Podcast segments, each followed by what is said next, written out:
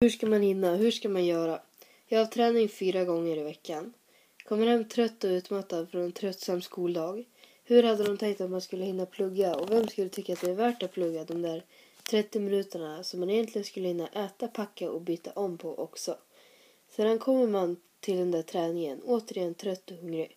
Så här känns det en vanlig dag. Tränat i två timmar och sedan en hemresa på en halvtimme när tankarna bara snurrar i huvudet om hur jag ska hinna orka sitta hemma de där timmarna.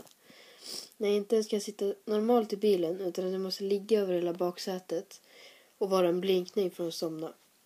Man tänker på hur länge man kommer behöva sitta uppe för att plugga till de där engelska glosorna som inte ens har någon mening i betyget. Sen kom jag hem med fötter som inte orkar ta ett steg till utan de bara släpas efter min trötta kropp som inte kommer vara vaken en minut till.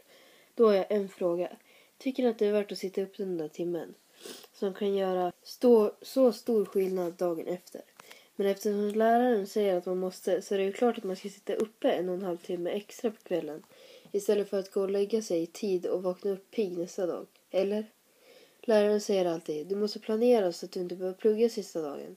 Men hur ska man hinna? Men de flesta helgerna går bort på grund av matcher och sedan är det ju inte bara, bara en läxa som ska hinna med på helgen. Utan det är oftast flera. Så jag tycker att istället för flera hemläxor ska vi hinna eh, med med på lektionerna. Lektionerna är för långsamma och för ointressanta. Man ska försöka lektionerna roligare och variera lektionerna. Så att man kan slippa allt detta plugg på kvällen när man är som tröttast. Eh, det här kommer göra så att ungdomar är mer taggade att komma till skolan och man kommer inte hinna med, med och man kommer hinna med, med på lektionerna eftersom man inte är trött och utsliten. Det här gäller ju inte bara mig utan nästan alla ungdomar har annat för sig på fritiden. Eh, teater, träffa sina kompisar och vara med familjen. Det är inte bara jag som drabbas av detta. Det är alla. Föräldrarna som sitter hemma och försöker hjälpa sina barn med läxan.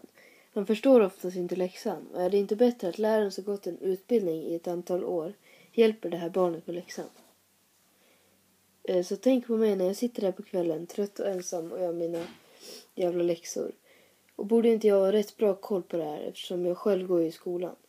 Så det måste bli en ändring snabbt.